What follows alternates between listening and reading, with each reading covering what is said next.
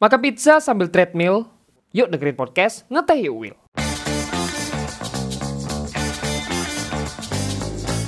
Jangan lupa pakai headphone ya untuk pengalaman yang lebih baik. Nah, hari ini, malam ini ya lebih tepatnya kita kebetulan bakal ngobrol tentang bisnis, terutama buat teman-teman yang punya passion, ya yang punya passion, dan bisa menjual passionnya itu. Nah, itu gimana caranya? Nah, kita akan obrolin tuh di diskusi malam ini. Nah, makan ayam di kota asal. Yuk kita sambut Mas Faisal. Cakep, cakep. Eh, selamat malam Mas Wildan. Halo Mas, apa kabar Mas? Alhamdulillah sampai saat ini sih baiklah. Ya, semoga seterusnya baik terus lah. Iya, amin. Dia harus baik Eh. terus dong tiap hari.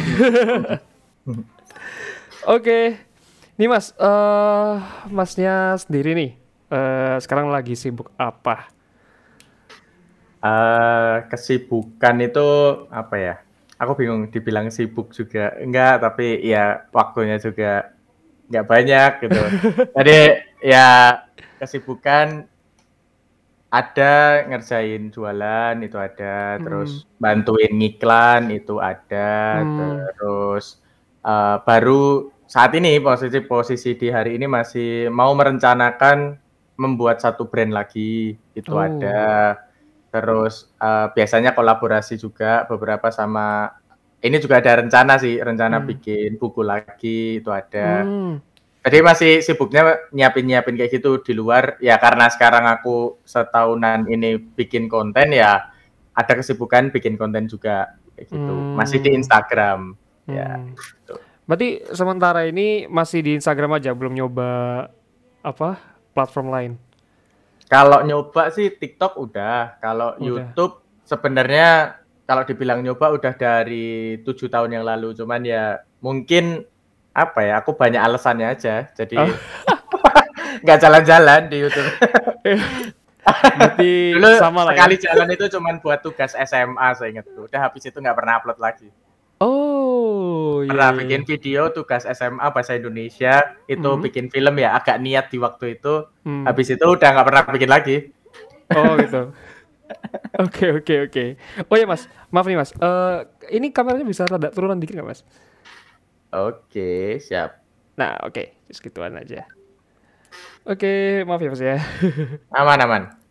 Nah, tadi kan udah ternyata udah pernah nyoba nih eh platform-platform lain. Tapi ternyata lebih apa? Lebih memilih Instagram dulu ya sekarang. Benar yang benar. lain. benar. Kenapa tuh mas kok masih milih Instagram?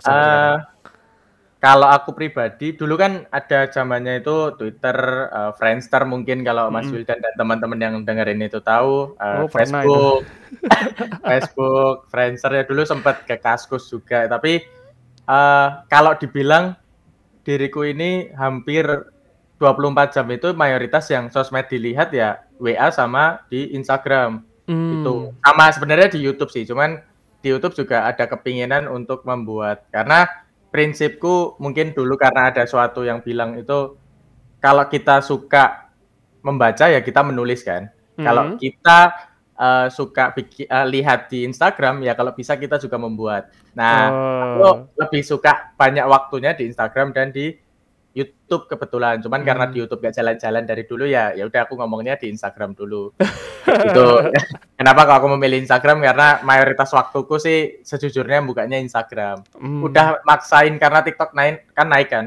Hmm. Eh, sejujurnya TikTok juga udah seneng gitu cuman mungkin waktu itu wak- ya mungkin akhir-akhir ini juga algoritma di tempatku itu udah bagus nih aku udah follow-follow di akun yang aku suka kan. Hmm. tapi terkadang ada konten-konten yang mungkin aku nggak suka gitu kan. Itu tetap Oh. muncul jadi bikin ah males banget gitu kan. Ya udah akhirnya nggak buka lagi kayak gitu. Iya, ya iya. bukannya munafik tapi apa ya agak tri apa ya agak jijik aja gitu. Habis itu oh, ya udah nggak dilanjutin lihat. Mungkin nanti suatu saat udah nyaman ya aku bakal balik ke TikTok lagi yang Hmm. lama gitu Hmm, kayak hmm, gitu hmm. sih Iya iya iya. Ya semoga aja masnya untuk di YouTube ada keinginan lagi ya balik. iya pingin banget udah dari malah dulu pinginnya dari awal sih YouTube bukan Instagram nih cuman ya Heeh. ya udahlah banyak banyak alasannya nggak jalan-jalan Heeh. Tapi eh kan ini masnya lebih sering di Instagram. Nah, Mm. kalau menurut Mas nih di fiturnya yang baru yaitu Reels, what do you Hmm. think, Mas? Eh, Reels ini sebenarnya mungkin ya bagiku kayak oh ini jalan jalan pintasku daripada aku di TikTok mungkin karena eh, algoritmanya bagiku itu agak susah. Ngelihatnya agak agak serak kan. Habis itu di Instagram mungkin ngelihat itu suatu peluang ya. Oke oke aja dan itu bagus banget. Aku ngelihat juga sering lihat di konten Reels gitu walaupun di Hmm. sebagian orang yang mungkin pemain lama mungkin itu kayak jarang juga membuka reels mungkin lebih lebih condong buka feed kan karena Hmm. tampilan awal buka itu kan bukan reels kan untuk saat ini Yep. Uh, bukanya feed nah Hmm. mungkin sebagian orang masih masuk ke golongan lihatnya feed doang tapi kalau aku udah cenderung juga masuk ke reels karena untuk di tempatku itu masih banyak konten-konten luar negeri yang itu menurutku uh, tambahan ilmu sih. Karena Hmm. cocok bagiku karena di Instagram tuh kayak menurutku uh, sesuai yang aku suka. Mungkin di TikTok juga gitu cuman nggak tetap ada selipan yang aku nggak suka gitu.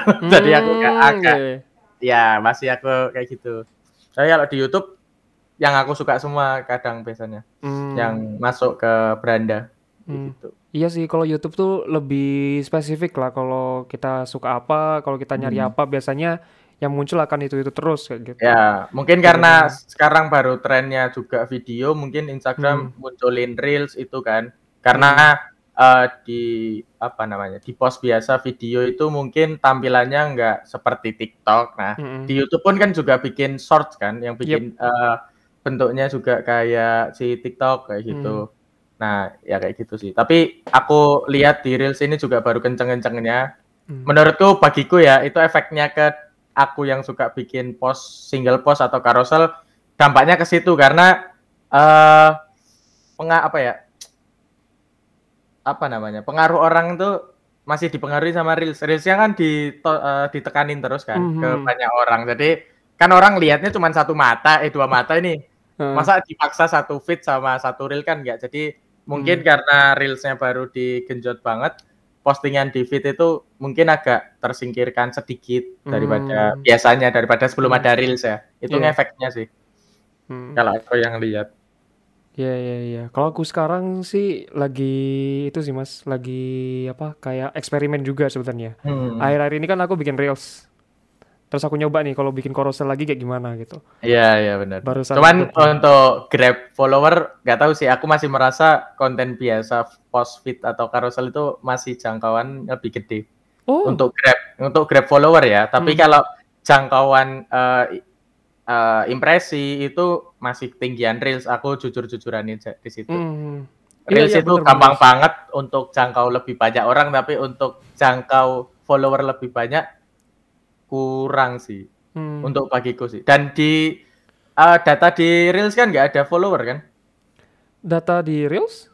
Insight-nya nggak ada Oh, follower. insightnya buat yang follower Ah. masuk itu berapa itu nggak ada. Ya, nggak nggak ada kan? Nggak Ah, nggak kelihatan ada. kalau itu follower dari Reels ya nggak ada. Hmm, adanya cuma ya berapa kali di setel kan, berapa Ya, kali ya play, itu. Ah, kayak gitu-gitu. Oke. Nah, ini tadi kita bahas sosial media nih, Mas. Mm-mm. Nah, kebetulan Masnya juga aktif di bisnis, Mm-mm. gitu ya. Nah, kalau Masnya sendiri nih, udah berapa lama kok berjualan gitu? Ah, sejujurnya kalau bisa dibilang aku itu belum dikatakan yang bisnis banget ya, tapi lebih Hmm. ke jualan. Makanya aku juga sharingnya tentang jualan bukan membentuk bisnisnya karena Oh, bisnis itu menurutku lebih ke sistem yang lebih kompleks dan lebih luas. Kalau aku sih Hmm. lebih senang ngomong ah, aku berjualan online daripada Iya. ngomong aku bisnis online karena bisnis lebih ke sistem. Nah kalau dibilang jualannya itu udah lama dari mungkin sampai 12 tahun yang lalu Halo, Mas? untuk jualannya. Tapi ini koneksinya aman ya? Iya, lagi putus-putus ini. Koneksinya aman ya? Cek cek. Iya, lagi. Halo? Halo, cek. Halo? Iya. Udah masuk mas. Tadi putus-putus soalnya. Halo, cek cek. Udah ada. Iya, Iya. udah. Ah, dari mana Oke. tadi? Tadi dari udah berapa lama berjualan itu tadi? Oh ya, kalau eh apa ya ngomong-ngomong jualan itu udah dari lama, dari sekitar 10 sampai 12 tahun yang lalu. Tapi kalau Oh. jualan online-nya terkhusus di online-nya itu mulai dari SMP. Yaitu sekitaran 7 apa 8 aku lupa sih. Sekitar sekitar di angka itu 9 10 tahun yang lalu. Pokoknya pas SMP sih. SMP itu aku mulai masuk online. Karena sebelumnya ya masih belajar-belajar eh, jualan biasa gitu. Hmm, online-nya tuh ya di Kaskus itu. Mulainya dulu BBM, Kaskus juga ada. Oh, BBM. Facebook, Kaskus, BBM itu dulu jalan. Oh iya, aku sempat Ya. juga jualan di situ mas, pakai BBM, Kaskus, Ya, nah itu udah pasti. Dulu ngelihat Android di kalanganku baru muncul eh, Eh. Android Samsung pertama itu ngelihat wah ini harus aku dapetin nih.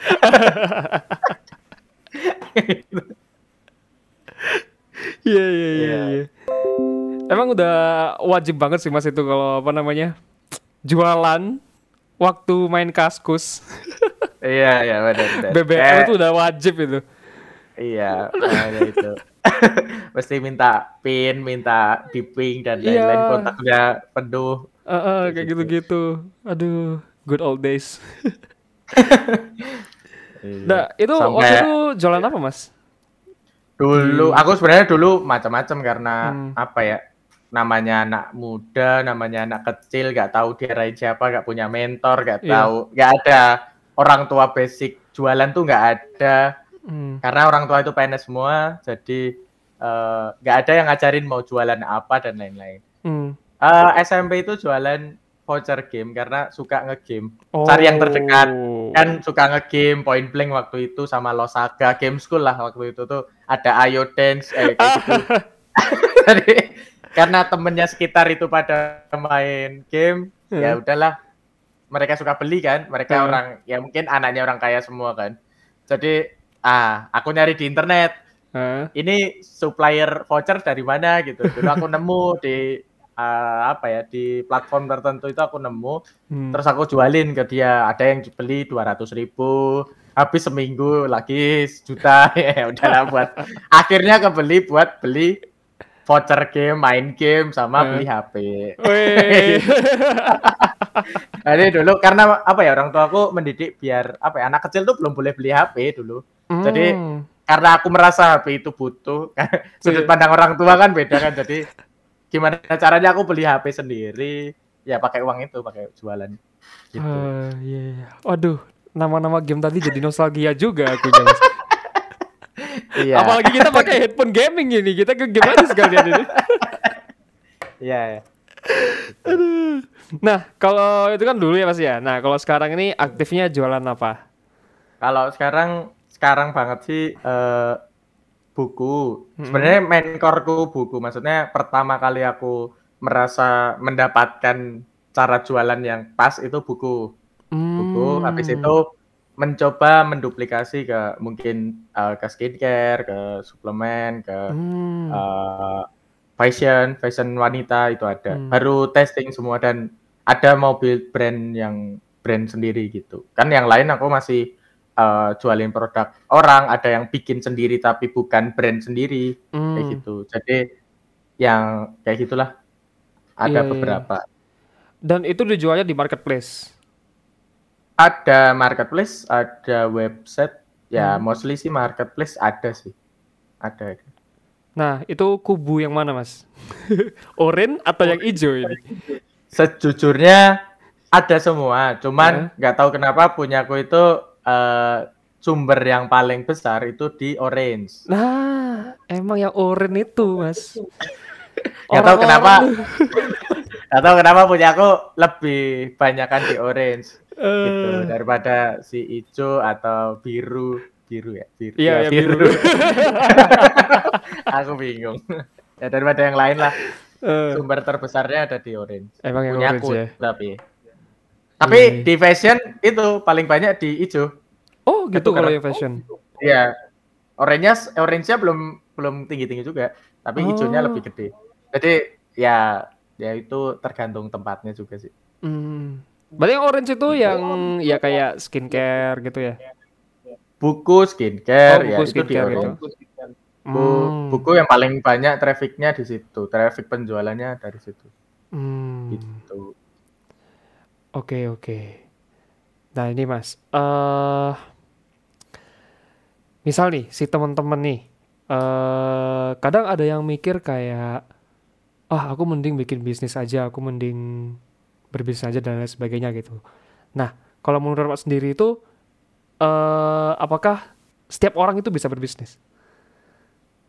Apa ya? Kalau aku ngomong secara jujur-jujuran ya, nggak semua orang. Karena nggak semua orang mau maksain diri dan nggak semua orang mau mendapatkan resikonya. Jadi aku nggak Hmm. ngomong semua itu bisa karena memang apa ya?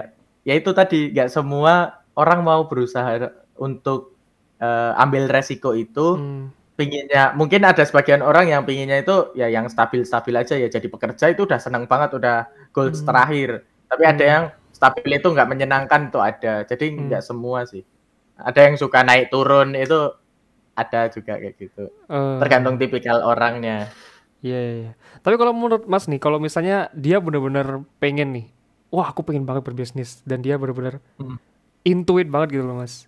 Tapi apa yang Hmm. dia lakukan ternyata masih belum menghasilkan sales. Nah kalau menurut Mas tuh kayak gimana? Apa yang harus dia lakukan Eh, kira-kira? Gini, yang tadi ini hubungannya sama yang tadi, yang sebelumnya. Eh apa ya? Kalau belum mendapatkan sales itu sebenarnya kita kalau aku pribadi yang merasa eh, jualan itu ya kayak jadi atlet ya kayak jadi eh, pegawai atau Hmm. jadi apa ya? Jadi profesi-profesi lainnya jadi dokter. Hmm. Eh, karena sebenarnya yang dibutuhin adalah konsistenan kita belajar di bidang itu. Misal kita mau jualan di bidang fashion lah, khususnya misal fashion atau Hmm. bidang apa pun. Itu ibarat kita mau masuk ke olahraga, mau jadi atlet, kita mau olahraga yang mana?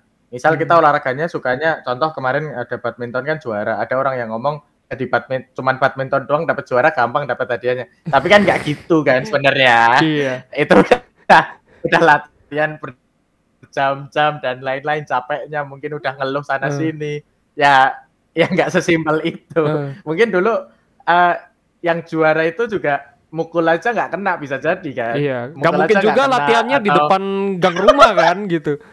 iya kan Iya. terus raketnya jatuh megangnya salah kan biasa Hmm. dulu apalagi bisa jadi sebelumnya olahraganya sepak bola mungkin nggak Hmm. nggak badminton Hmm. Nah itu ibarat kayak jualan ya. Jualan kalau misal punya eh, kemampuan, eh, kemam, kemampuan, kemauan, kemauan yang tinggi, mau jualan apa pun sebenarnya bisa dilatih. Menurutku ya, Hmm. menurutku bisa dilatih walaupun nggak punya jiwanya eh, dari awal, nggak punya darah dagingnya nggak ada. Hmm. Paling yang membedakan adalah waktunya. Misal nih keluarganya, orang tuanya berdagang atau berbisnis. Anaknya bisa lebih cepat daripada anak orang tuanya yang mungkin dokter nggak punya atau uh, pegawai yang nggak ada basic untuk jualan ya Hmm. anaknya lebih lama untuk mendapatkan hasilnya. Karena eh, itu apa ya dari kecil aja kita diajaknya ke mana itu beda makanannya mungkin beda terus ngobrolannya juga beda motivasinya beda orang tua tuh udah ngarahin oh kamu gede udah mau jadi kayak gini. Walaupun akhirnya orang tua kayak membebaskan kan Ka- kamu boleh ke mana-mana. Tapi kan orang tua punya pikiran kan anak ini mau diarahin ke arahin ke mana nih? Apakah Hmm. ke jadi pegawai dokter atau jadi pengusaha atau apa? Itu udah ada arahnya. Hmm. jadi eh ya itu yang membedakan adalah nanti waktunya. Kan kalau orang-orang kayak KFC yang bikin KFC McD kan itu juga eh, orang-orang tua kan. Hmm. beda dengan mungkin yang eh, Facebook kan orang-orang muda. Nah itu yang membedakan adalah menurutku waktunya sih. Kalau memang eh, punya kemauan tinggi bisa-bisa aja. Cuman ya harus sabar. Kalau misal menyadari kalau kita nih dari awal nggak eh, nggak ada daya sokong orang tua, dari modal, dari pengetahuan dan lain-lain, ya Hmm. yang bisa jadi kita bel- belajar lebih giat, terus eh, berusaha lebih lama, maksudnya konsisten itu tadi, yaitu nggak membandingkan dengan orang, karena bisa jadi kita membandingkan orang lain, di mana yang kita bandingkan ngomong kalau oh aku ini belajar sendiri. Padahal orang tuanya pedagang, ya kan nggak bisa kita nggak bisa kita peer to peerin ya. Iya, Kita iya. orang tuanya mungkin dari pegawai teman kita eh, orang tuanya pedagang. Terus dia bilang teman kita nggak dibantu orang tuanya. Tapi Hmm. dari kecil kan udah diajarin kan pasti Uh-uh. basic-basicnya. Iya. Jadi ya tentu akan berbeda. Yang penting jangan banding-bandingin kecuali bandingin sama diri kita sebelumnya. Karena yang paling gampang dan paling bener ya bandingin diri sendiri sih, bukan bandingin ke orang lain. Waduh, quote-nya itu. Ya karena aku dulu kayak gitu bandingin sama orang lain nggak ada habisnya. Heeh. Habis ketemu di atasku, mungkin ya aku katakanlah analogiin bandinginnya di bawahku nih orang ketemu Hmm. orang di bawahku. Ketemu bandingin orang yang sampingku, di atasku dikit. Ketemu lagi orang yang di atasku levelnya dua kali di atasnya, tiga kali di atasnya, lama-lama sampai 100 kali, nggak habis-habis. Hmm, iya, iya, Tapi iya. kalau kan bandingin diri kita sendiri, oh kemarin aku seharian tiduran doang ya. Hari ini bisa olahraga, oh berarti lebih bagus kan? Hmm, Nah, gitu. oke. Paling gampang sih menurutku bandingin diri sendiri sih. Iya, iya, iya, iya. Tuh ya teman-teman, bandingin dengan diri sendiri yang sebelumnya. Bukan dengan orang lain. nah, ini Mas, eh, apa namanya? eh balik ke judul ya. Judul kita yang pertama tuh tentang passion. Nah, mungkin ada nggak eh teman Mas gitu yang dia itu berhasil, bukan berhasil juga sih, pe- sudah memulai untuk berbisnis dengan passionnya dia sendiri. Ini temen apa aku? Sorry, Iya, Me- temennya Mas mungkin atau Mas sendiri? Oh. Eh, kalau temenku ada, dia dari awal passionnya gambar, Hmm. dari kecil sih, dari SD. Sekarang udah jadi desainer. Ya Uh. mungkin dulu gambar coret-coret doang. Itu posisi SD sih. Dia gambar itu udah paling bagus loh. Maksudnya udah kayak gambaran orang SMP. Serius, aku kaget juga sih. Berarti kalau dia gambar bisa sih bakat sih. Beda kan Uh. kalau orang latihan. SD masa udah sampai bagus kayak gitu sih. Iya, Jadi iya. sampai sekarang dia udah jadi desainer karena eh, gambar, suka gambar, terus gambarnya dulu gambar lukisan offline-nya dijual bisa. Hmm. Terus eh, diubah ke digital itu juga terjual juga. Ada. Mhm. Nah, misalnya nih, Mas, eh, kan banyak nih dari mungkin dari teman-teman followersku itu eh seorang desainer grafis, Mm-mm. ya. Nah, kalau desain grafis nih, menurut Mas gimana sih masarinnya? Soalnya banyak tuh Desain teman-teman grafis. itu, banyak teman-teman Hmm. yang kadang tanya, eh Kak, kok aku nggak dapat dapat klien ya? Gimana cara klien pertama? Gimana cara klien tuh bisa ketemu kita dan lain sebagainya kayak gitu. Hmm, desain grafis menurutku ya, sekarang itu pada mas eh, pada masanya menurutku ya. Hmm. Karena udah didukung ada YouTube, ada TikTok, ada Instagram. Hmm. Itu masanya banget. Cuman biasanya yang belum dapat klien itu mungkin dia belum melihatkan kelebihan dia atau belum melihatkan eh, kalau dia itu expert di bidang itu. Nah, bisa bisa dengan dia itu suka eh, bikin katakanlah bikin satu iseng lah. Biasanya orang desainer itu aku menurut ya orang desainer itu suka iseng, suka Hmm. bikin tiba-tiba bikin. Cuman nggak di take atau nggak direkam, nggak di Hmm. post, nggak di apa-apa. Jadi orang nggak tahu kalau dia itu sebenarnya bisa. Hmm. Cuman nggak di nggak ditunjukin ke orang-orang. Mungkin bisa dengan bikin TikTok proses eh, pembuatan awal sampai Hmm. akhir itu di post banyak yang minat kok. Nanti banyak yang nanya caranya, Hmm. banyak yang pingin uh, ambil jasanya, bisa bikin TikTok atau Instagram atau YouTube. Itu karena bentuknya visual ya, karena kita kan butuh proses before dan afternya karena kan desainer dikiranya kan orang oh ini bikinan orang nih, bikinan Google nih atau apa kan Iya, ya iya, iya. desainer kan yang dibutuhin taste dari eh, orang itu kan orang yang Hmm. bikin taste-nya udah bagus apa belum eh, paham tentang dasar-dasarnya apa belum terus ada teknik khusus apa enggak ada Hmm. keunggulannya apa enggak ya itu perlu di kita lihatin ke ke khalayak karena banyak kok misal ya ini bukan bukan desainer sih tapi kayak lukisan itu kan ngelukis asal bikin konten ngelukis aja viral Hmm. di TikTok. Terus ada juga yang desainer pakai Canva atau pakai uh, Adobe Illustrator atau Adobe Hmm. Premiere atau eh Adobe Premiere buat video ya. Eh Adobe Photoshop itu bisa terus Hmm. viral. Tapi prosesnya aja yang kita bikin. Jadi Hmm. perbanyak portofolionya. Nggak harus portofolio klien. Jadi mungkin awal belum punya klien ya, tapi Hmm. di awal itu kita misal eh, ada desain apa kita coba redesign menurut taste kita itu bisa Oh, terus iya. kita iseng bikin logo apa yang sekarang dibutuhin kan logo packaging atau Hmm. brosur brosur flyer atau apa pun itu bikin aja. Mungkin kita merasa nih kita merasa lihat contoh aja. Contoh poster universitas. A ini kok Oh. nyeleneh. Kok ini posternya agak nyeleneh ya? Kita boleh bikin yang versi bagus menurut kita. Jadi kita kayak kritik tapi ya membangun gitu menurut Hmm. kita. Jadi bisa jadi nanti eh, si netizen tuh juga bakal lihat oh ini lebih bagus ini lebih jelek kan nggak apa-apa Hmm. karena apa ya biasanya itu nggak tahu kalau awal-awal tuh biasanya kena mentalnya kalau dibilang jelek ya itu kena mental padahal 100% nggak semuanya bakal suka Hmm. bakalan ada yang nggak suka mau sebagus apa pun kontennya sebagus apa pun desainnya tetap ada yang nggak suka Hmm. jadi ya nggak usah dipikirin yang nggak membangun ya nggak usah dipikirin lah Iya, kadang juga banyak Kalau- sih yang kayak takut-takut buat upload gitu. Takut Ya. dibilang jelek kak, takut dibilang gini gitu. Nah itu sering banget mas aku dapat terima kayak gitu. ya bener ya karena kita mainnya di media sosial kalau kita nggak mau ngepost ya siapa orang yang tahu kayak gitu Uh-uh. kan Iya. Jadi- Tapi emang sekarang awali. eh sosial media emang cara soft selling kita kan? Bener, bener, Iya kan. bener. Jadi kayak kita nggak harus jualan kita iseng aja bikin bikin desain apa Hmm. kayak prosesnya dari awal sampai akhir di video cep- dipercepat itu kan Hmm. bisa gitu Iya iya. Iya sih. Memang ke banyak juga di TikTok tuh yang bikin-bikin kayak gini, prosesnya kayak gimana, tinggal Hmm, di malah dari iseng terus viral bisa itu Heeh. Gampang viral banget TikTok itu mas.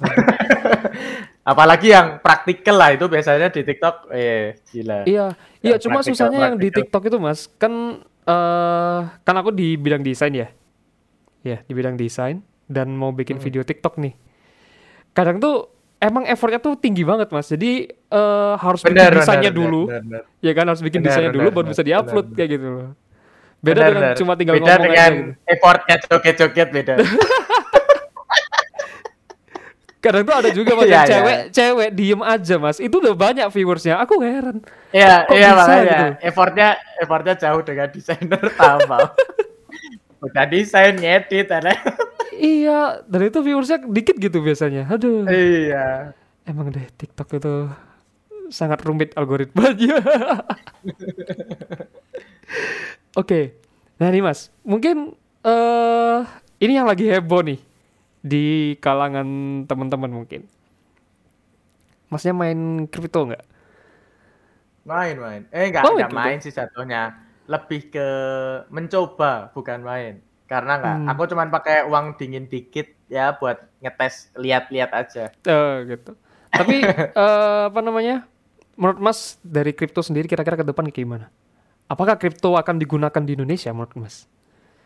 Menurutku selagi di luar negeri ada yang pakai dan ada yang mendukung itu bakal masuk ke Indonesia di suatu waktu. Karena Indonesia menurutku itu tempat yang telat sih. Maksudnya misal di luar udah booming beberapa tahun lagi baru ke Indonesia. Bisa jadi kayak Hmm. gitu. Jadi ya buktinya juga Indonesia ada yang bikin koin kan. Jadi ya tetap ada ada peluangnya. Potensi. semua tetap Hmm. ada peluang. Potensinya tetap ada cuman ya Hmm. resikonya tetap ada kayak gitu Ya mungkin boomingnya baru lima tahun lagi kali ya. Ya, makanya aku pun juga baru wait and see gitu, nggak yang aktif. Eh. Walaupun teman-temanku ada yang udah nyoba dan akhirnya hilang berapa juta, ratusan juta ya. Ya Wah, udahlah. banyak mas itu mas. Yang Aduh. penting sih buat teman-teman yang mau nyoba ya jangan uang dapur. Kalau pakai uang sisa nggak apa-apa. Hmm, Pokoknya jangan all in lah ya. Semua dimasukin Iya. semua ke kripto. Nangis nanti. Oke. Nah ini mas pertanyaan terakhir ya dari semua pembahasan kita tentang bisnis dan juga sosial Hmm. media. Menurut mas pemasarannya efektif itu yang seperti apa? Eh, efektif ini, ini agak ambigu sih sebenarnya. Cuman ya aku jawab sepemahamanku lah. Eh, ini tergantung dari bisnisnya apa dulu atau kita mau ada dua cara untuk menjualkan produk. Yang pertama kita pahami dulu siapa yang mau kita jual atau kita buat produknya dulu yang unik itu apa punya value apa. Kalau produk tapi kebanyakan ya kayak aku pun dulu juga gitu melihat eh, apa ya jualan kaos itu keren ya aku ikutan jualan kaos. Padahal aku nggak Hmm. tahu mau jualan ke siapa kaos ini punya daya beli apa enggak kaos Hmm. ini punya value apa enggak nggak tahu gitu. Sedangkan biasanya ketika kita bikin produk sendiri itu merasa kita produk udah paling oke nih. Tapi Hmm, nggak tahu nih dibutuhin sama orang apa enggak nggak Hmm. tahu. Dan jarang banget divalidasi. Mungkin divalidasi cuman orang tua. Padahal keluarga terdekat tuh biasanya kalau kita bikin ya tetap kita dibikin bagus gitu kan ngomongnya nggak ngomong jujur ini tuh jeleknya di mana nggak bakal diomongin Iya. iya.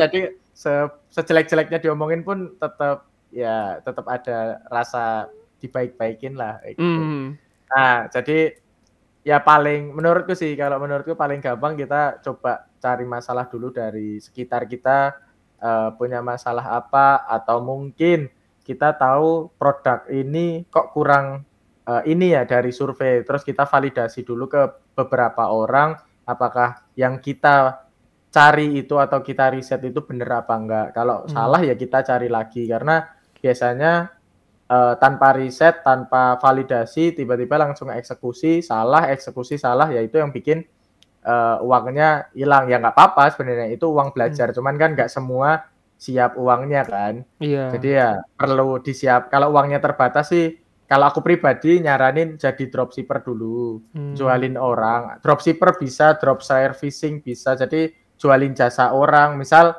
eh, contoh kita desainer nih, cuman kita nggak merasa desain kita nggak pede.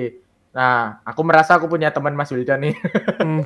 Tadi aku nanti jual punya orang, eh, orang butuh logo nih contoh, eh, Hmm. dia punya budget satu juta, Mas Wildan aku contoh nego eh, ke 800 ribu, kan aku ada margin 200 ribu, jadi aku Hmm. tahu klien ini butuhnya apa, eh, masalahnya apa, nanti punya brief apa kan kita jadi tahu, padahal Iya. kalau kita langsung jual sendiri kita kebingungan ini brief maksudnya apa harus Hmm. apain kan jadi nggak tahu itu dari sisi eh, drop drop servicing jualan jasa orang tapi kalau produk ya kita misal mau testing eh, obat ini atau jangan obat lah ya ma fashion inilah pakaian wanita ini Hmm. kan pakaian wanita wanita eh, senengnya banyak nih modelnya banyak nah kita ambil aja comot-comot punya orang maksudnya izin jadi dropshippernya orang-orang kita Hmm. ambil mana produk yang paling oke dari sebulan kita coba ternyata yang laku paling banyak si produk A ya udah kita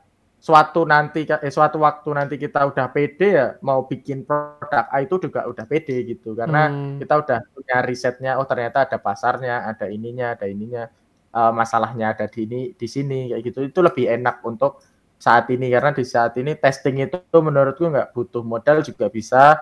Butuh modal untuk iklan doang juga bisa. Hmm. yang penting kita paham dengan eh, target kita target kita tuh butuhnya apa sih? Angle apa yang bisa kita kasih ke dia? Kebutuhan dia apa dari produk ini? Karena pernah lihat kan kalau misal produk A sama produk B itu harganya beda tapi sebenarnya fungsinya sama. Nah itu tergantung tergantung orang eh tergantung marketingnya kan eh, mengenakan apa ya ngena hatinya si konsumen itu kayak gimana ada yang Hmm. mahal tapi antri banyak tapi yang sepi eh yang murah malah sepi kan ada Hmm. Iya. iya. jadi itu tergantung emosi yang kita sentuh yang mana Hmm. terus masalah apa yang kita sentuh gitu. jadi balik lagi ke kita mau jualan ke siapa Hmm. dan kita pahami produk kita gitu Nah, soalnya nih ada pertanyaan nih Mas dari Hmm. question box-nya nih. Katanya tuh eh, gimana cara nyairin stok yang numpuk walau sudah diskon, reupload tapi impactnya ternyata nggak besar banget gitu. Jadi gimana tuh cara Nah, ini biasanya apa ya? Karena gini, eh, mungkin yang jual ini kepikirannya eh, harga itu adalah yang utama, sedangkan Hmm. konsumen itu pemilihannya beda-beda. Bisa jadi pemilihannya karena desainnya atau karena fungsinya atau karena eh, emosinya, mungkin karena brandnya udah terkenal atau ini endorse ke siapa kayak gitu. Jadi Hmm. itu tergantung dari target. Kita mau jualan ke siapa dulu. Jadi mereka itu emang butuhnya apa, kita baru eh, apa ya? Kita bikin campaign yang sesuai dengan target market kita.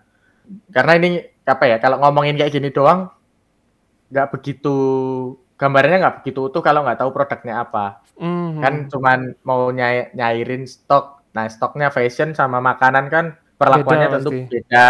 Iya. Terus sama eh, suplemen sama buku itu pa- pasti beda-beda kan. Ada yang expirednya cepet, ada yang Hmm. expirednya lama, ada yang mungkin edisinya udah lewat. Kayak aku jualan buku itu eh masa berlakunya cuma tahunan, setahun karena emang kan ada tulisannya tahun nih, tahun 2020 2021. Hmm. Di setelah itu harganya langsung anjlok karena memang ada tahun baru lagi Hmm. kayak gitu. Jadi itu kan ada permainan setahun doang, ada yang cuman uh, makanan ya cuman seminggu mungkin kayak gitu kan. Jadi tergantung per perlakuannya. Iya, ya kebetulan ini juga nggak bilang sih dia produknya apa, cuma stoknya Iya. numpuk gitu aja. Mm-mm. Ya, jadi itulah ya eh tips dari Mas Faisal. Nah, ini ada pertanyaan balik ke passion nih, Mas. Mm-mm. Bagaimana mengetahui seseorang mempunyai passion? Kalau menurut Mas gimana? Hmm. Apa ya? Ini bisa dipelajari kayak ikigai itu sih menurutku bisa bagus Hmm. sih. Nanti coba di searching di Google aku nggak begitu apal tapi eh di mana itu menurutku passion itu yang aku kerjain itu nggak dibayar pun aku tuh seneng ngerjain gitu. Hmm. Itu menurutku passion sih. Dan aku mendapatkan komen orang ketika aku ngomong kayak gitu tuh beneran ini nggak dibayar nggak apa-apa. Nggak gitu konsepnya ya. enggak, enggak, tapi tapi konsepnya enggak gitu, enggak enggak, enggak dibayar. Makanya. Ya tetap nangis. Cuman cuman ketika kita baru senggang ngerjain itu enggak dibayar tuh kita seneng ngerjain itu. Hmm. Cuman ya enggak enggak karena terus diminta temen enggak dibayar juga enggak apa-apa bukan gitu. Salah paham. Jadi eh, apa ya? Karena ketika kita nggak dapat klien, maksudnya contoh belum dapat klien, kita tetap seneng gitu bikin itu kayak gitu. Tapi Hmm. tetap seneng ngerjain itu, nggak yang kena eh, kita dicibir orang pun kita tetap seneng ngerjain itu. Mungkin kita badminton nih, contoh kita passionnya badminton. Eh, kita udah main sana sini kalah terus. Ya ya udah, belum dapat duit ya ya udah, tapi kita tetap latihan. Akhirnya kita masuk platnas, masuk eh, lomba-lomba, belum juara, belum dapat duit, ya kita coba terus. Kan itu Hmm. otomatis belum dapat duit kan, Iya. belum dibayar pun kita tetap tetap kerjain gitu. Hmm. Akhirnya kita udah kuat, kita udah latihan terus, akhirnya kita juara dan juaranya baru di akhir. Padahal di awal modalnya udah banyak nih Hmm. dan nggak dan nggak balik modal mungkin di awal-awal. Jadi ya itu menurutku mengerjakan yang aku nggak dibayar pun ya tetap seneng. Itu Hmm. passion yang menurutku. Cuman ya jangan dipikir kalau nggak dibayar beneran Iya. seneng. ya, Itu itu jawabannya. Ditelan mentah-mentah banget. Iya. ada ada ada yang ngomong. gitu. Kalau Aduh, aduh, menemukannya jujur aku pribadi pun aku pribadi orang yang suka nyoba-nyoba dulu dari Hmm. eh, SD itu nyoba jualan A, jualan B. Tapi garis lurusnya itu jualan gitu. Dulu ada ya, aku tuh sempat kalau Mas Uldanta pengen tahu aku udah belajar coding, aku Hmm. belajar desain, Hmm, iya iya iya. belajar Adobe Illustrator, belajar Photoshop itu khusus di kurs-kurs tertentu itu dulu waktu kayak pengen menemukan passion itu gitu loh. Hmm. Eh, terus belajar olahraga A, belajar musik. Ternyata aku baru tahu aku nggak bisa musik. Mau Hmm. musik apa pun, mau latihan sebanyak apa pun, ya aku belum bisa. Aku karena Hmm. nggak ada jiwa seninya mungkin ya. Tapi Iya. jualan mau tak mau rugi berapapun ya tetap tak kerjain gitu. Hmm. Dan berarti aku menemukan oh ternyata ada di sini. Aku Hmm. sukanya di jualan sama di eh, internet aku mau di depan komputer berapa lama ya nggak dibayar pun aku seneng gitu. Eh, kayaknya semua orang kayak gitu deh mas. aku dari sejak apa ya? Dari sejak SD itu ada laptop ya ada laptop sama kok PC-nya kakak sih. Hmm. Itu aku sampai sekarang internetan ya nggak dibayar juga. Ya, tapi sekarang Hmm. dibayar sih. Tapi dulu nggak dibayar juga. Nggak dibayar ya nggak apa-apa dulu. Tetap tak Iya. kerjain. Ya itu Eh. menurutku passion. Makanya ya passionnya dulu eh, apa ya? Suka internet tapi bingung internetnya ke mana nih? Jualan, ke coding, ke desain, ke mana? Aku bingung waktu itu. Hmm. Jadi masih nyoba-nyoba mana. Jualan pun juga masih bingung dulu. Jualan hewan, jualan minuman, jualan pakaian, jualan voucher game digital, jualan Hmm. tak coba semua dan akhirnya menemukan beberapa produk, beberapa eh, kegiatan yang memang disukain dan ternyata ya musik pun dipaksa juga nggak dapet dapet ya udahlah Hmm. ditinggal yang enggak itu mulai ditinggalkan yang masih senang ya dikuatin di situ Hmm. Oke. itu baru nemu itu caraku dapetin passionku Iya. tapi teman-teman ada yang bisa dapetin passion secara eh, tanya ke orang yang expert dan lain-lain bisa itu juga bisa. Iya sih. Kalau dulu emang eh, aku juga mulai coba-coba dulu sih mas. Nyobain satu-satu ini itu. Oh iya akhirnya nemunya di Iya. desain kayak gitu. aku tuh sempat juga pingin jadi pemain e-sport Wow, sama mas. Aku latihan terus loh Dari- akhir-akhir ini. pemain e-sport, pemain eh, jadi youtuber itu kepingin cuman ya ya udahlah belum jalan-jalan dan belum jadi-jadi ya. Makanya itu kayak, aduh aku latihan terus, tapi kok gini aja ya, berarti bukan di sini tempatnya nih kayaknya. Aduh. Kayaknya ini cuman buat hiburan ya udahlah. Iya makanya. Aduh.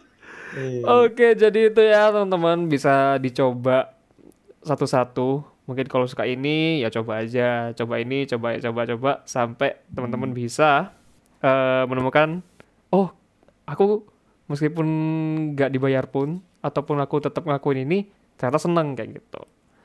Nah, berarti harus dicari itu passion. Oke, lanjut Karena ini juga Mas. buat nambahin sih. Kalau Iya. boleh nambahin ini. Eh, kalau nggak dibayar tuh gini maksudku. Misal nih kita baru pertama nih, baru seneng sama desain. Hmm. nggak per nggak pingin apa ya nggak dibayar nggak apa-apa nah kita tuh punya relasi yang lebih di atas kita kan kita bantuin desain dia nah tiba-tiba tuh kita bisa dapat proyekan yang lebih jauh gede gitu Hmm. dengan kita membantu si orang itu kita dapat Hmm. relasinya orang itu jadi Hmm. menurutku nggak dibayar nggak apa-apa tuh maksudku di situ bukan bukan Iya, untuk bukan bukan nggak dibayar yang gimana kan? Maksudnya itu iya nggak iya dibayar tuh ya, nggak dibayar itu kayak oke kita tetap ngelakuin ini berjam-jam pun meskipun kita nggak bisa, tapi kita tetap masih seneng gitu loh. iya iya iya Iya kan iya, mas ya, itu itu itu bisa. Iya. semoga Gitu. jawaban ini tetap ada nggak ada yang hujat lah Iya, aku tetap harus paham loh, Rek. Ya jangan di, ditelan mentah-mentah. Jelasinnya harus pelan-pelan ini Mas. Iya. Maksudnya buat diri pelan-pelan. sendiri gitu loh, buat bukan buat klien atau siapa gitu loh, buat diri sendiri gitu loh. Ya kali orang minta terus kita nggak dibayar, aduh. Ya itu ada eh, Iya, ketentuan biasa. sendiri ya gitu ya. Kalau misalnya ada yang nggak apa-apa nggak bayar gitu, nah. Oke, Oke. itu lanjut ke pertanyaan selanjutnya adalah, oh ya sama sih. Oh ya. Tadi udah dijawab. Apa cara mencari passion itu harus mencoba segala hal. Kalau Mas tadi udah nyoba segala hal ya, sampai akhirnya nemu di bisnis ini. Oke, kita sudah terjawab. Nah, mungkin ini masuk ke berjualan lagi nih. Nih Mas, eh, tips biar datengin traffic yang banyak lewat platform lain biar diarahkan ke WA. Ke WA. Kalau ini ngomongnya tips doang ya. Ini nggak ada syarat dan ketentuan di luar. Kalau Ah, tips tipsnya doang. cara menaikkan traffic, ngiklan, Hmm. bayar iklan, paid promote, endorse, ngiklan sosmed di Facebook Ads, in- eh, IG Ads, eh, Google Ads, TikTok Ads, itu traffic. Tapi itu berbayar. Syarat Iya. ketentuannya berbayar. Kalau mau yang gratisan ya kita bisa optimasi di setiap tempat. Maksudnya kita TikTok ya optimasi TikToknya sendiri uh, Hmm. apa perlu konten yang seperti apa yang baru naik terus kalau di Instagram ya sesuaikan target market kita butuhnya apa bisa dengan riset hashtag bisa dengan uh, interaksi jemput bola dan lain-lain atau kalau Hmm. dengan YouTube ya ya konten apa uh, hooks hooknya harus apa klik uh, judulnya headline-nya harus apa terus videonya durasinya harus berapa itu harus Hmm. dipelajarin kayak gitu Dan Tapi- relate dengan apa yang dijual juga kan Mas ya? Benar relate dengan yang dijual dan dibutuhin dengan si audiens. Misal jualannya contoh eh, apa ya pakaian bayi ya kita bisa hubungannya sama orang tuanya. Kan nggak mungkin dong bayi beli sendiri. Nggak mungkin dong. Nggak mungkin dong. Belinya iya, ba- iya, iya. bayinya beli sendiri nggak mungkin. Yang kita sasar orang tuanya atau eh, mamanya lah terkhusus mamanya Hmm. atau ya orang tuanya papanya juga nggak apa-apa. Gitu kalau aku dulu target marketnya adalah orang SMA, ya kita bikin konten. Kalau mau masuk suatu univ ini butuhnya apa? Mungkin dulu Mas Wildan mau mau nih jurusannya apa aja di dalam. Terus Hmm. waktu di dalam tuh ekskulnya apa aja, kegiatannya apa aja. Terus cara masuknya tesnya itu harus belajar apa aja kan nggak tahu itu bisa dikasih tahu. Hmm, iya iya iya iya iya. Berarti itu ya. Itu kalau secara organik ya Mas ya? Organik atau Ya, benar-benar nggak kalau- berbayar gitu? Itu gratis. Hmm. Kadang organik juga ada yang nggak tahu Mas artinya. Jadi yang ngomongin Iya. ya nggak gratis, nggak berbayar lah. nggak berbayar. Nggak berbayar tuh ya kayak bikin Hmm. konten gitu ya. Kayak tadi kayak YouTube, Ya, Instagram. TikTok dan sebagainya. Hmm. Iya. Hmm, Oke, Itu traffic. lanjut ke pertanyaan selanjutnya. Riset produk di zaman sekarang apakah masih berlaku? Sedangkan semakin Wah. hari banyak orang yang ingin jualan online. Wah, wah, Berat, wah, berat, wah. berat. Kayak riset itu tetap bisa dilakuin seterusnya sih. Maksudnya semua itu tetap dibut- diawali dengan riset sama validasi sama Hmm. evaluasi itu udah pasti sih. Karena mau di apa mau di mana pun mau apa pun itu ya tetap perlu di riset. Misal jualan online, eh, jualan baju udah ada yang jual. Ya dari dulu jualan baju juga udah ada. Walaupun Hmm. kalau zaman dahulu banget ya masih pakai daun ya itu beda cerita. Tapi ya yang jual udah banyak. Tapi apakah eh, ada nih kita pernah tahu eh, model contoh lah kita sebut Erigo tiba-tiba muncul kan dulu Erigo nggak ada kayak gitu. Mhm. Jadi ya itu riset itu tetap penting karena mungkin Erigo udah tahu eh, strategi mana yang lebih cocok. Buktinya merek-merek lain yang sama di waktu yang sama pembuatannya juga eh, suksesnya mungkin berbeda. Itu kan Mhm. beda. Jadi ya itu kan ya riset itu tetap penting, riset, validasi, terus evaluasi itu tetap penting gitu. Bukan karena udah banyak ya tetap kita nggak riset, nggak nggak gitu, nggak gitu konsepnya. Iya, iya.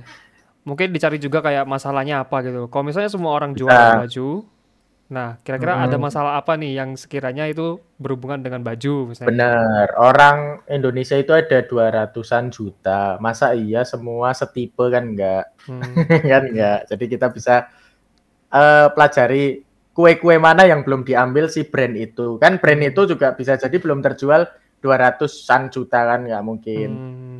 Ya bisa mungkin cuman ya kemungkinan kecil lah semua orang membeli satu brand itu kecuali yang sekarang dikejar-kejarkan ya. Hmm. Nah, Iya, iya, iya, iya, iya. Ini tuh buat semua orang sih kalau buat Nah. kesehatan. Oke, itu ya riset produk. Nah, ini ada pertanyaan cara membuat laporan keuangan untuk usaha kecil, Mas. laporan keuangan usaha kecil ya sebenarnya minimal kita bisa tahu nge-track apa ya menulis apa aja bebannya. Beban itu dalam ada yang beban itu bisa dihitungnya sebulan ada yang bisa dihitung per produk. Jadi Hmm. yang awal ya kita bebanin dulu per produk nanti kita kan tahu nih berbiaya per produk itu berapa nanti marginnya agak tinggian. Kalau marginnya tipis ya kena nanti beban per bulannya.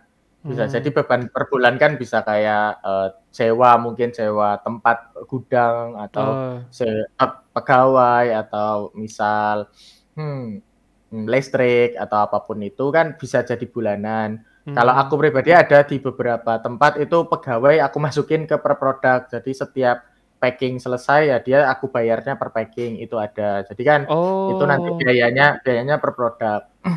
itu ada eh bukan per produk sih, per paket. Nah, itu tergantung kita eh, pahami dulu yang keluar itu kita rinciin dulu. Jadi eh mulai sekarang dibedain dulu eh, re- rekening dari jualan mana, rekening dari pribadi mana. Jangan Hmm. kecampur nanti untungnya buat beli ternyata keambil semodal-modalnya. Loh, kok nggak ada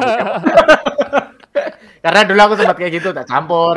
Akhirnya ya udahlah dipisah. Karena Eh. itu pusing banget kalau udah kalau kecil sih nggak apa-apa, ke tracknya gampang. Tapi kalau Hmm. udah banyak, Hmm. wah pusing itu nge-tracknya. Apalagi Sebuah nggak pelajaran banget ya itu ya. pusing dari saatnya aduh kalau sekarang lebih enak sih ada pihak ketiga mungkin ada yang ngerangkumin tapi dulu tuh aplikasi-aplikasi sekarang tuh nggak ada dulu jadi Hmm. ya sebisa mungkin dicatat banyak kok aplikasi yang membantu yang gratis maupun yang berbayar aku nggak rekomendasiin apa pun tapi banyak boleh dicari aja jadi setiap belanja apa pun dicatat seminimal mungkin misal kayak parkir ya tetap dicatat. Mungkin kita Oh. baru membeli ke satu tempat ada biaya parkir kita catat. Takutnya nanti loh kita kasnya satu juta kok hilang tujuh ribu di mana? Gitu. Iya, ternyata iya, iya. parkir parkir tiga kali dua kali kan nggak tahu. Gitu. Kalau parkir mau ditalangi uang pribadi ya nggak masalah tapi Ah, biasanya aku mana kebutuhan jualan aku jadiin satu mana yang eh, kebutuhan pribadi aku jadiin satu karena kalau nggak terbiasa gitu nanti pusing gitu hmm.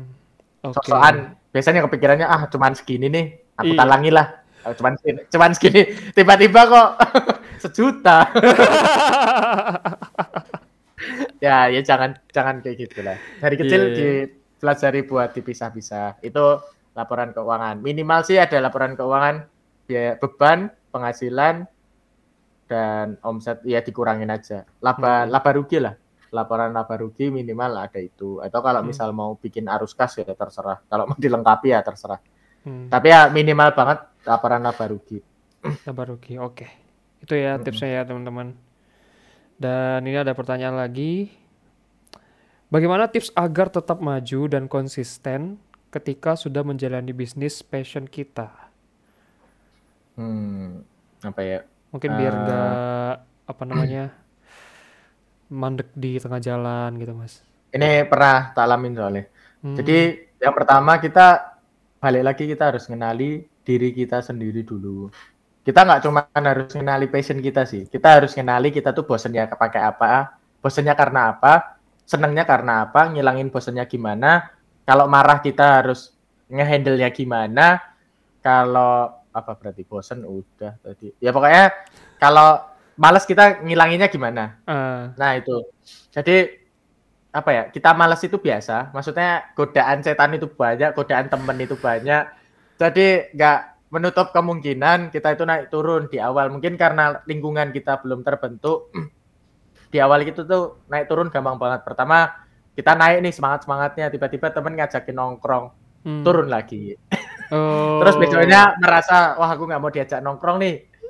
Terus kita udah naik lagi, tiba-tiba wah capek ini Ya, aku tiduran lagi. Terus tiduran udah dua hari. Ya turun Aduh. lagi, turun lagi. eh, apa motivasinya turun lagi. Hmm. Tiba-tiba kita merasa oh caranya kita nempel motivasi. Terus motivasinya karena udah sering kita lihat nggak pernah kita baca lagi. Turun Iya. lagi. Dan Dan- terus kita nyari lingkungan kita.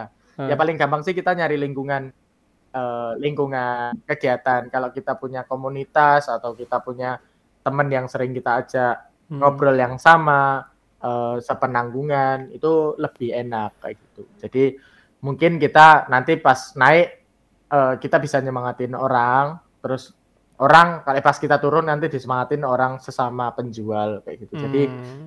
eh, mentor mungkin bisa cari mentor, bisa cari eh, komunitas, bisa cari teman, partner karena kalau kita jualan sendiri nggak ada yang ngingetin itu bisa down sih apalagi kalau mentalnya belum kuat eh, se- sehari belum laku aja paniknya minta ampun Hmm. padahal baru mulai baru mulai jualan sehari belum laku aja udah panik banget baru Oh. ngeluarin biaya iklan lima puluh ribu nggak balik aja udah panik banget gitu. Udah Jadi- kepikiran. ya udah kepikiran sampai wah kayaknya aku nggak nggak bakat nih di sini ya maksudnya bukan. Jadi itu kita penting buat nyari penyemangat. Jadi kita harus kenali diri kita. Apakah karena kalau aku ya aku tuh kalau baru suntuk baru bosen baru bingung stuck mikirin apa itu tuh jalan-jalan muterin kota. Oh. Jadi, uh, terkhusus lebih seneng naik motor. Karena Hmm. deket dapat anginnya nggak tahu sih angin malam itu emang jelek apa gimana tapi aku lebih seneng kalau malam-malam muter itu kena angin. Eh, kalaupun naik mobil kacanya tak buka. Jadi tetap kena anginnya bukan pakai AC nah itu Oh. sampai rumah biasanya darinya but dari eh, dari bu, stres atau apa itu udah fresh eh, mau ngapain lagi. Kadang di jalan itu eh, sambil kita teriak-teriak pun keinget oh ternyata aku harus gini nih. Malah jadi kepikiran. Yang pertama aku bingung mau ngapain di jalan tuh tiba-tiba oh aku harus gini ya aku catat dulu di HP atau Oh. apa aku harus ingat sampai aku rumah. Tapi biasanya aku lupa sih. Jadi aku aku catat di HP terus nanti aku di tempat rumah baru ngerjain apa yang tadi aku pingin. Karena Hmm. kadang ideku keluar di jalan. Gitu keluar di jalan. Jadi ya teman-teman harus tahu dulu eh, cara ngakalin diri itu gimana. Apakah dengan main musik itu hilang ya itu silahkan. Dengan mendengarkan musik itu hilang ya itu silahkan. Mungkin dengan ngaji itu juga bisa kan terus dengan apa ya mandi itu bisa silahkan. Ya itu meditasi setiap orang beda-beda. Jadi kalau stuck stres down dan lain-lain ya bebaslah nyari sesuai diri sendiri sukanya apa. Cerita ke orang nggak butuh balasan kan juga bisa. Iya. kita cerita sampai nangis-nangis. Udah nggak usah dijawab aku cuman butuh nangis doang. Aku nggak butuh jawabanmu. Habis itu terus fresh lagi juga bisa. Tidur besoknya pagi bisa hilang. Iya. jadi tergantung dirinya itu Hmm. sukanya gimana Oke, berarti ngenalin diri sendiri dulu aja lah ya kayak gitu.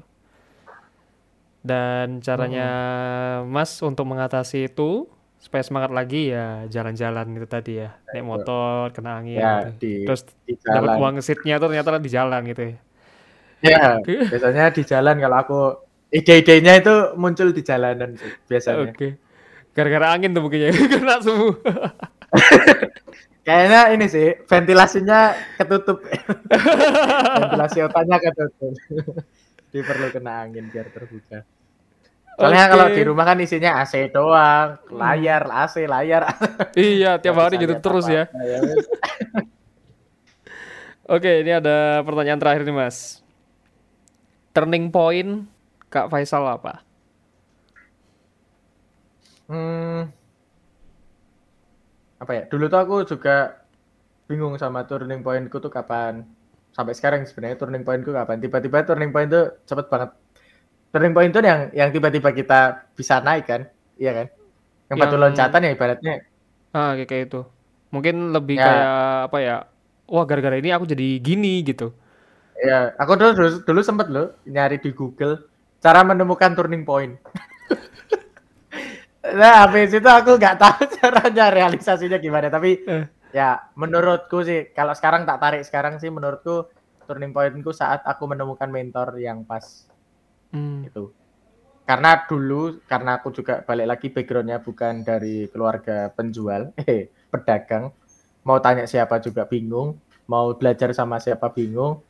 Paling deket itu aku dulu belajar dari kakakku. Kakakku jualannya makanan kayak kafe, nggak setipe sama aku. Aku nggak bisa mem, aku tuh nggak bisa mana ngerasain makanan enak banget sama enak. Aku cuman tahu enak doang. Hmm. Orang kalau bilang ini enak banget nih, enak enak aja ya biasa aku cuma ada rasa enak gitu, gak ada Hmm. rasa enak banget. Level 1, 2, 3 gak tahu. Nah Iya. itu kakakku bisa banget jadi mentorku belum tepat. Jadi tapi mentor untuk eh eh, self developmentnya kuat. Hmm. gitu. Iya, iya. berarti ya tadi ya. eh dari mentor ya waktu turning point-nya ya ya. benar turning pointnya sih di mentor. Oke. Kalau aku sih gara-gara apa ya waktu itu ya? Gara-gara tetangga, Mas. Hmm. Gara-gara tetangga jadi aku eh bisa masuk ke desain tuh gara-gara tetangga. Jadi tetangga itu sekolah di SMK. Mm-mm. Dan itu mainnya sama Photoshop, Premiere, After Effects kayak gitu-gitu. Mm-mm. Will, coba ini softwarenya bagus banget gitu.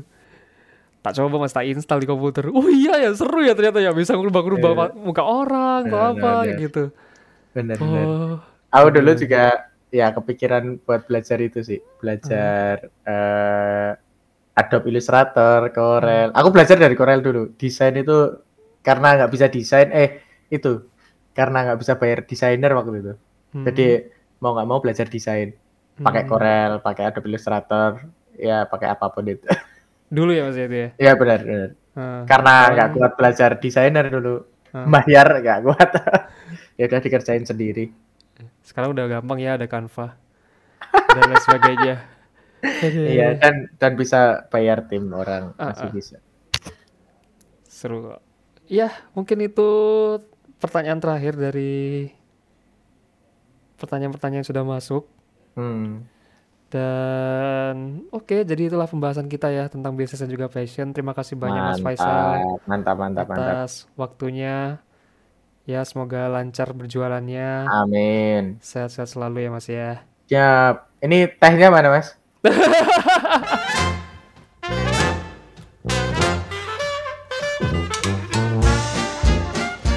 Terima kasih sudah mendengarkan Ngeteh Yuk Will di Spotify.